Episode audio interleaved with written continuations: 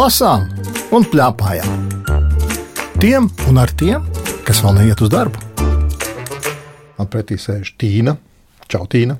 Čau! Tīnai 11 gadi. Tiešām. Viņa iet 5. klasē. Pretī sēž Lauris, kurš vairs neiet 5. klasē. Kā jau parasts, mēs lasām šeit grāmatas un par šīm grāmatām plāpājām. Un parasti mēs esam izlasījuši divas grāmatas, bet šodien ir īpašs gadījums, kad mums ir priekšā trīs grāmatas. Un kāpēc trīs? No, tas vēl būs noslēpums. Jo mēs sāksim ar to, kas ir viena, pēc tam būs divas kopā. Pirmās grāmatas nosaukums Saki, lūdzu, tad, kad tu šo grāmatu saņēmi, kā tu izlasīji nosaukumu? Lietrīgas. Lietarīļas. Zini, kā es izlasīju?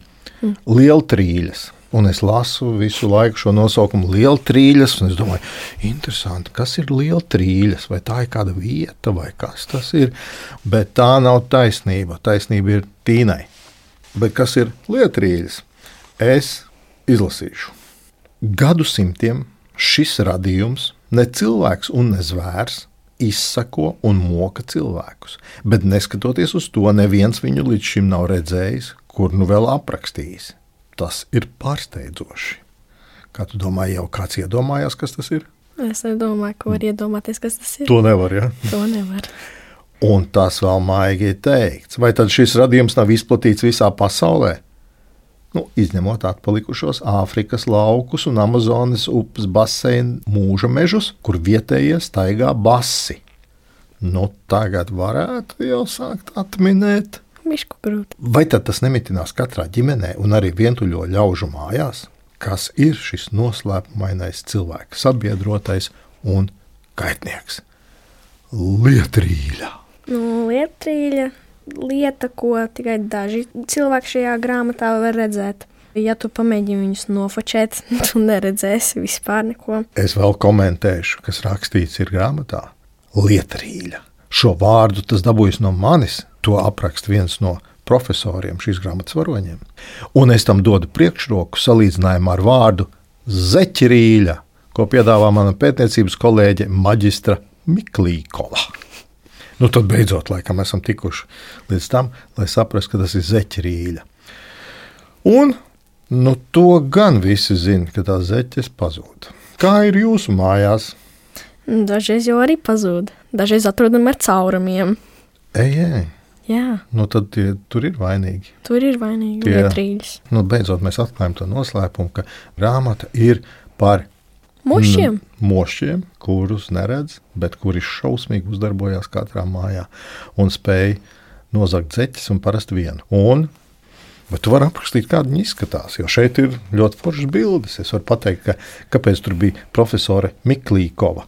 Tāpēc, ka šīs grāmatas autors ir Pāvils Šruts, kas nu nav latvietis, un Galinas Miklīnovas ilustrācijas. Es domāju, ka tā ir Čehu grāmata. Vai tu varētu aprakstīt, kāda viņa izskatās, tie lietrīļas? Katrs izskatās savādāks, katrs ir garāks, katrs ir īsāks. Hiklīgs, viņš ir izskatās visīsākais, viņš izskatās līdzīgs dviņiem. Dviņi izskatās tādi paši. Viņi ir ļoti nejauki, es tā teikšu. Viņi ļoti skrien prom no cilvēkiem, zog daudz zeķes un ļoti lieli palaidnieki. Man ļoti patīk, ka pirmajā vākā ir uzzīmēti visi varoņi, un visiem varoņiem ir vārdi klāt, un tad tu saproti, kas ir kurš. Kā tev patīk šāda veida grāmatas, kur ir Man tāda patīk. informācija? Tu vari saprast, kas tas ir zīmējumos, kas tur ko tur rāda, par ko runā. Un šai grāmatā vēl aizmugures vākam ir vēl, vēl viens palīgs, un tas ir visas tās vietas, kurās notiek darbība, ir uzzīmētas. Tā ir rietumu stācija, liku, kunga bodīte, upe, centrālais laukums, zinātņu akadēmija un tā tālāk. Bet atgriežoties pie lietrīļām, viņiem ir tādi snuķi, nu tādi tā kā trubas, un laikam tajās trubās arī viņi rīd. Patiesībā tās trubas ir laikam zeķu gali. Nograusti. Un viņa vārdi ir Hihlīgs, Tulamors juniors, Ramzes, Mohita, Tulamors seniors, jeb padre alijās lielais šefs un tā tālāk. Kādu gabaliņu nolasīt no grāmatas? Es lasīšu krustāvus. Padres pārdīja zeķu kaudzi. Tik satracinātu Ramzes viņu vēl nebija redzējis. Arī tik rosīgu ne. Resnītis, kurš visu laiku pavadīja gultā, pēkšņi lēkāja kā pārmēru piepūsts balons un bļāva. Auroja tik skaļi, ka profesoram Žuburainim to vajadzēja savā darbistabā sadzirdēt. Ja vien bērniņi nebūtu tik labi izolēti arī ar zeķēm. Mans juniors, tas trakā varā, Renē, un esot zinātnieks, padre niknumā pārkoda neaizdedzināmos cigāru. Mans vienīgais pirmdzimtais dēls iekaucās. Bet kā tad ar mani tēvs visu šo laiku Ramzes slēpās aiz bēniņu sijas? Ar tevi man nav nekā kopīga. Kaut arī esat dviņi, esi dzimis stundu vēlāk. Bez tam tu aiztinies no notikuma vietas, bet ko gan citu es varētu darīt? Mm -hmm. Bet gribas zināt, kas notiek tālāk. Vai tu varētu raksturot šo grāmatu, kas tas ir par žanru grāmatas? Es domāju, ka vairāk tas būtu piedzīvojumi, kur viņi iet, kas tur notiek un tā tālāk. Es pat teiktu, ka tur ir asi piedzīvojumi. Notiek. Das, es teiksim, varētu izlasīt vienu tādu mazu gabaliņu. Hihlīgs šāvās uz priekšu ar pieliektu galvu. Bandas šefs uzbrukumu nebija gaidījis. Sagrīļojās un tikai pēc brīža atguva elpu. Kas tas? Viņš iešņācās. Barvedim piemita milzīgs spēks. Ar vienu roku viņš sakām hihlīgu pie kakla, ar otru vilku egonam no zeķi. Hihlīgs viņa rokai spēcīgi uzmina kauslis, iebelza ar elkoni, un tūlīt abi jau vēlās vienā kamolā. Pa to laiku Egons lidinājās savos trompetes solo augstumos, nenojausdams, kas lejā notiek, ko jau tam jau bija izdevies iegūt laupiem māzeķi ar karmīna maliņu, bet viņš gribēja dabūt abas. Saki, lūdzu, tev patīk piedzīvojumu stāstīt? Ļoti. Nu, un kā bija šeit? Daudz piedzīvojumu, jā. Teiktu, ka tie piedzīvojumi bija forši, jautri, smieklīgi, dažreiz smagi arī pārdzīvot. Par to, jā. kas notiek. Jā. Es vēl gribētu izlasīt drusku no satura rādītāja šīs grāmatas, lai tie, kas gribētu šo grāmatu lasīt, lai viņiem vēl vairāk rastos interesi par to. Es lasu vienu, to lasu nākamo profesors Žuburainis un noslēpumainā balss. Sevišķs notikums. Zeķu noslēpumainā nolaupīšana. Pieņemšanas eksāmens. Hihlīkam ir slepens plāns. Žēl, bet dzīve ir kājām gaisā. Pārdomas, tumšas, sarunas, drūmas. Rituāls zeķtura ordeņa bruņiniekam. Zvana atkal telefons. Daudz atmiņu traucē vecstāvam aizmigt. Egons ir visīstākais draugs. Vai nu izpirkuma maksa, vai pieņemšana eksāmens. Viss tālāk nelasam. Lasiet paši. Interesanti, ka šeit uz aizmugures vāka grāmatā ir rakstīts, Lietrīļas, Čehijā, tas ir autora dzimtenē, atzīta par vienu no desmit gadus labākajām bērnu grāmatām, pirmkārt par zeķiem, un ieguvusi literatūras balvu, galveno, kā var saprast, Čehijā, un pats svarīgākais pēc grāmatas motīviem tapusi animācijas filma. Gribētu redzēt? Gribētu ļoti redzēt. Mēs novēlam kādam mums šo filmu parādīt. Jā, lūdzu. Ar nosaukumu Lietrīļas, un nevis Lieltrīļas, kā man šķita pašā sākumā. Interesanti gan. Pajautāsim, ko par zeķiem domā tava mamma. Pirmais iespējas izlasot nosaukumu ka būs sarežģīta grāmata. Bet uh, atverot uh, pirmās lapas un, un, un sākot lasīt pirmās rindkopas, nu jau vairs nešķita. Protams, varbūt tie mazo nešpatno radījumu vārdi rada nelielas problēmas, bet interpretējam savā prātā, varbūt kaut kā savādāk, domājam savādāk, tad jau aiziet tā lietas priekšā. Bet ļoti aktuāla tēma, mamām īpaši, ne? Nu, bet, protams, kaut kur jau tās zeķes pazūd.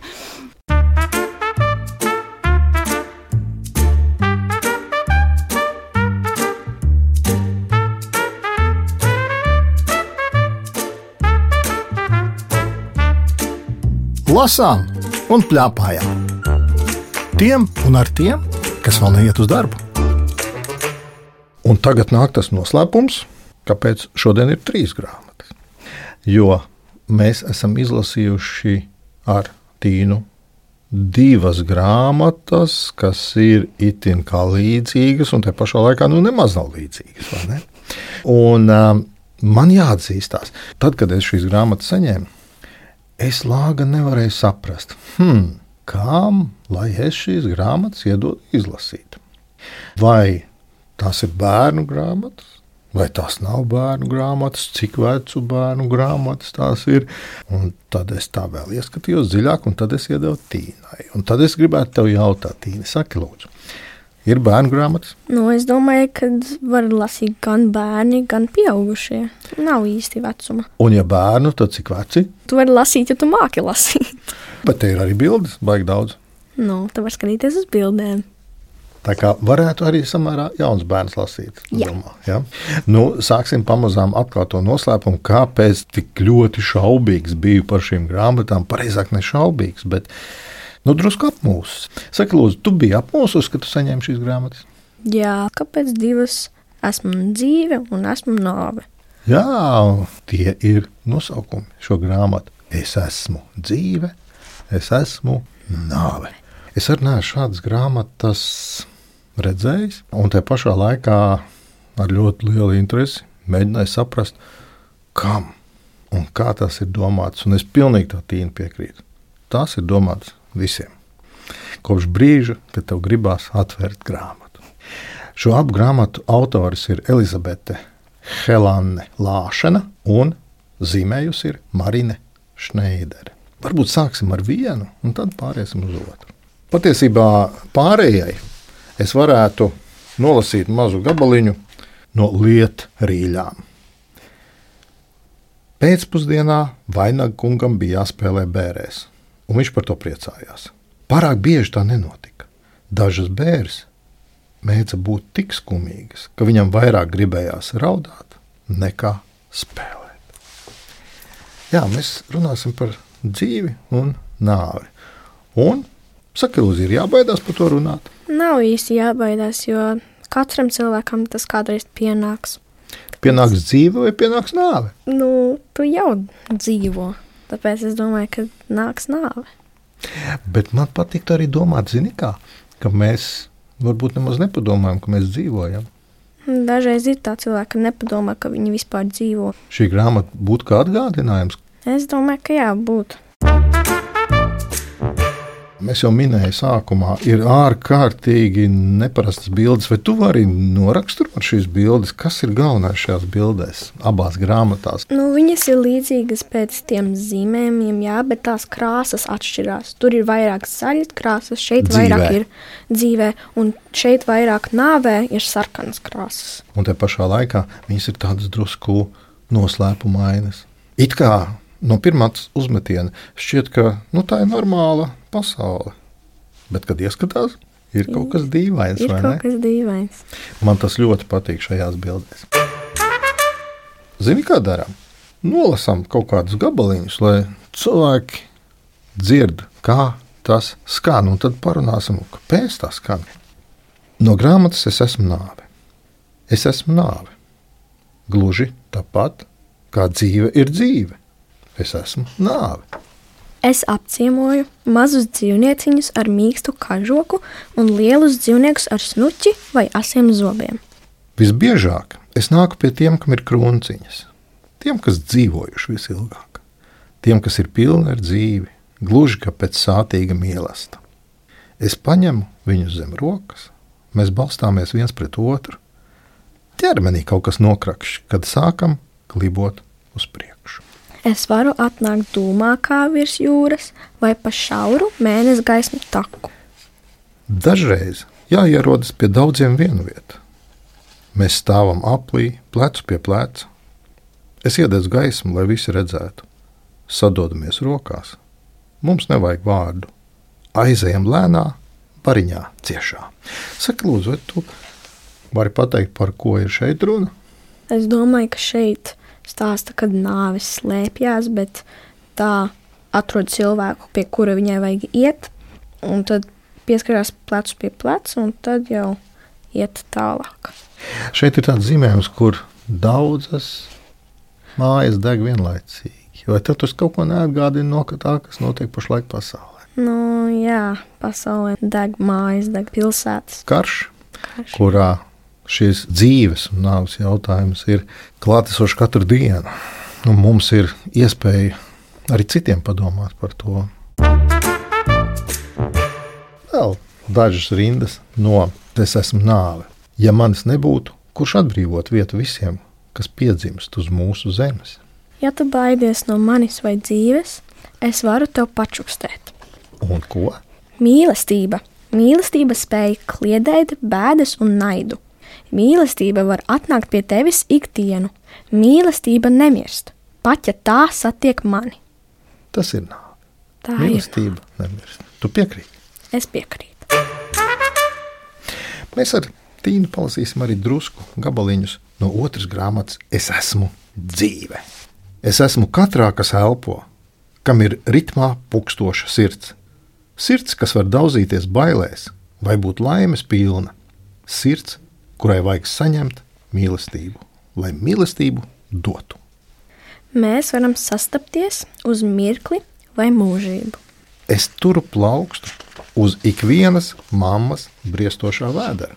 Es vēroju, kā bērni izaug lieli, kā tiem piedzimst bērni, kuriem vēlāk piedzimst savējie. Mazi un lieli tie veido garas virtenes, kas varētu apjost visu zemeslodi, kā stipri pavadieni audumā, kas austs miljoniem gadu. Ķermenis, kas var skaļi klaigāt un dejot, kad vien vēlas. Ķermenis, kas var liet asaras un ieklausīties savās domās. Ķermenis, kas var satikt citu ķermeni, pret kuru atbalstīties. Es vienmēr esmu kopā ar tevi, un kad tev to vajadzēs visvairāk, es atgādināšu, cik vērtīgs tu esi. Jo visā plašajā pasaulē tu tāds esi viens vienīgs. Un katru dienu tu vari pierādīt pasaulē, ka esi te Tas, laikam, ir tas, ko Tīna teica pašā sākumā, ko mēs gūstam no šīm grāmatām. Man ļoti interesē, ko tā mamma saka par šīm divām grāmatām. Ļoti kolorītas grāmatas, ļoti krāsainas. Tā pati grāmata, es esmu nāve, lai arī daudziem, varbūt bērniem, arī pieaugušajiem, vārds nāve asociējās ar kaut ko smagu, drūmu, tumšu, nepatīkamu. Taču grāmatiņa rada tādu vieglāku uztveramu šo vārdu nāve. Jo, ja mēs tā loģiski padomājam, tad nāve jau atnāk pie visiem, gan pie kukaiņiem, gan pie dzīvniekiem, gan pie cilvēkiem. Bet uh, kā mēs paši viņu uztveram? Un grāmatiņas esmu dzīve arī ir tikpat krāšņa koša, raiba kā tauriņa spārni. Un arī rada to patīkamo vieglumu sajūtu, ka gan nāve un dzīve ir uh, savā starpā likuma saistītas. Kāda vecumā? cilvēkiem šīs grāmatas domātas? Pēc pirmā skatiena šķiet, ka tas būtu neierobežotam vecumam. Būtībā, ja bērns ņem grāmatu rokās un šķirsta kaut vai skatoties bildes, nesaprotot, kas tur ir, var arī bērns, kurš nemāķi lasīt, skatīties.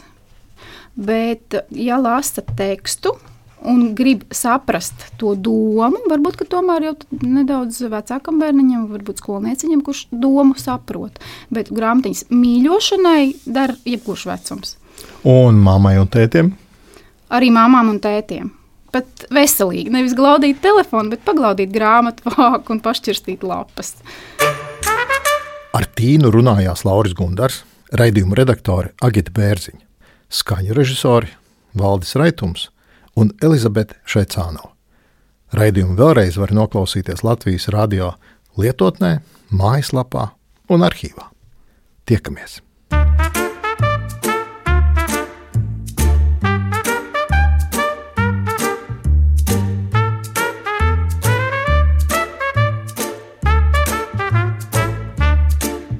Lasām un plēpājām. Tiem un ar tiem, kas vēl neiet uz darbu.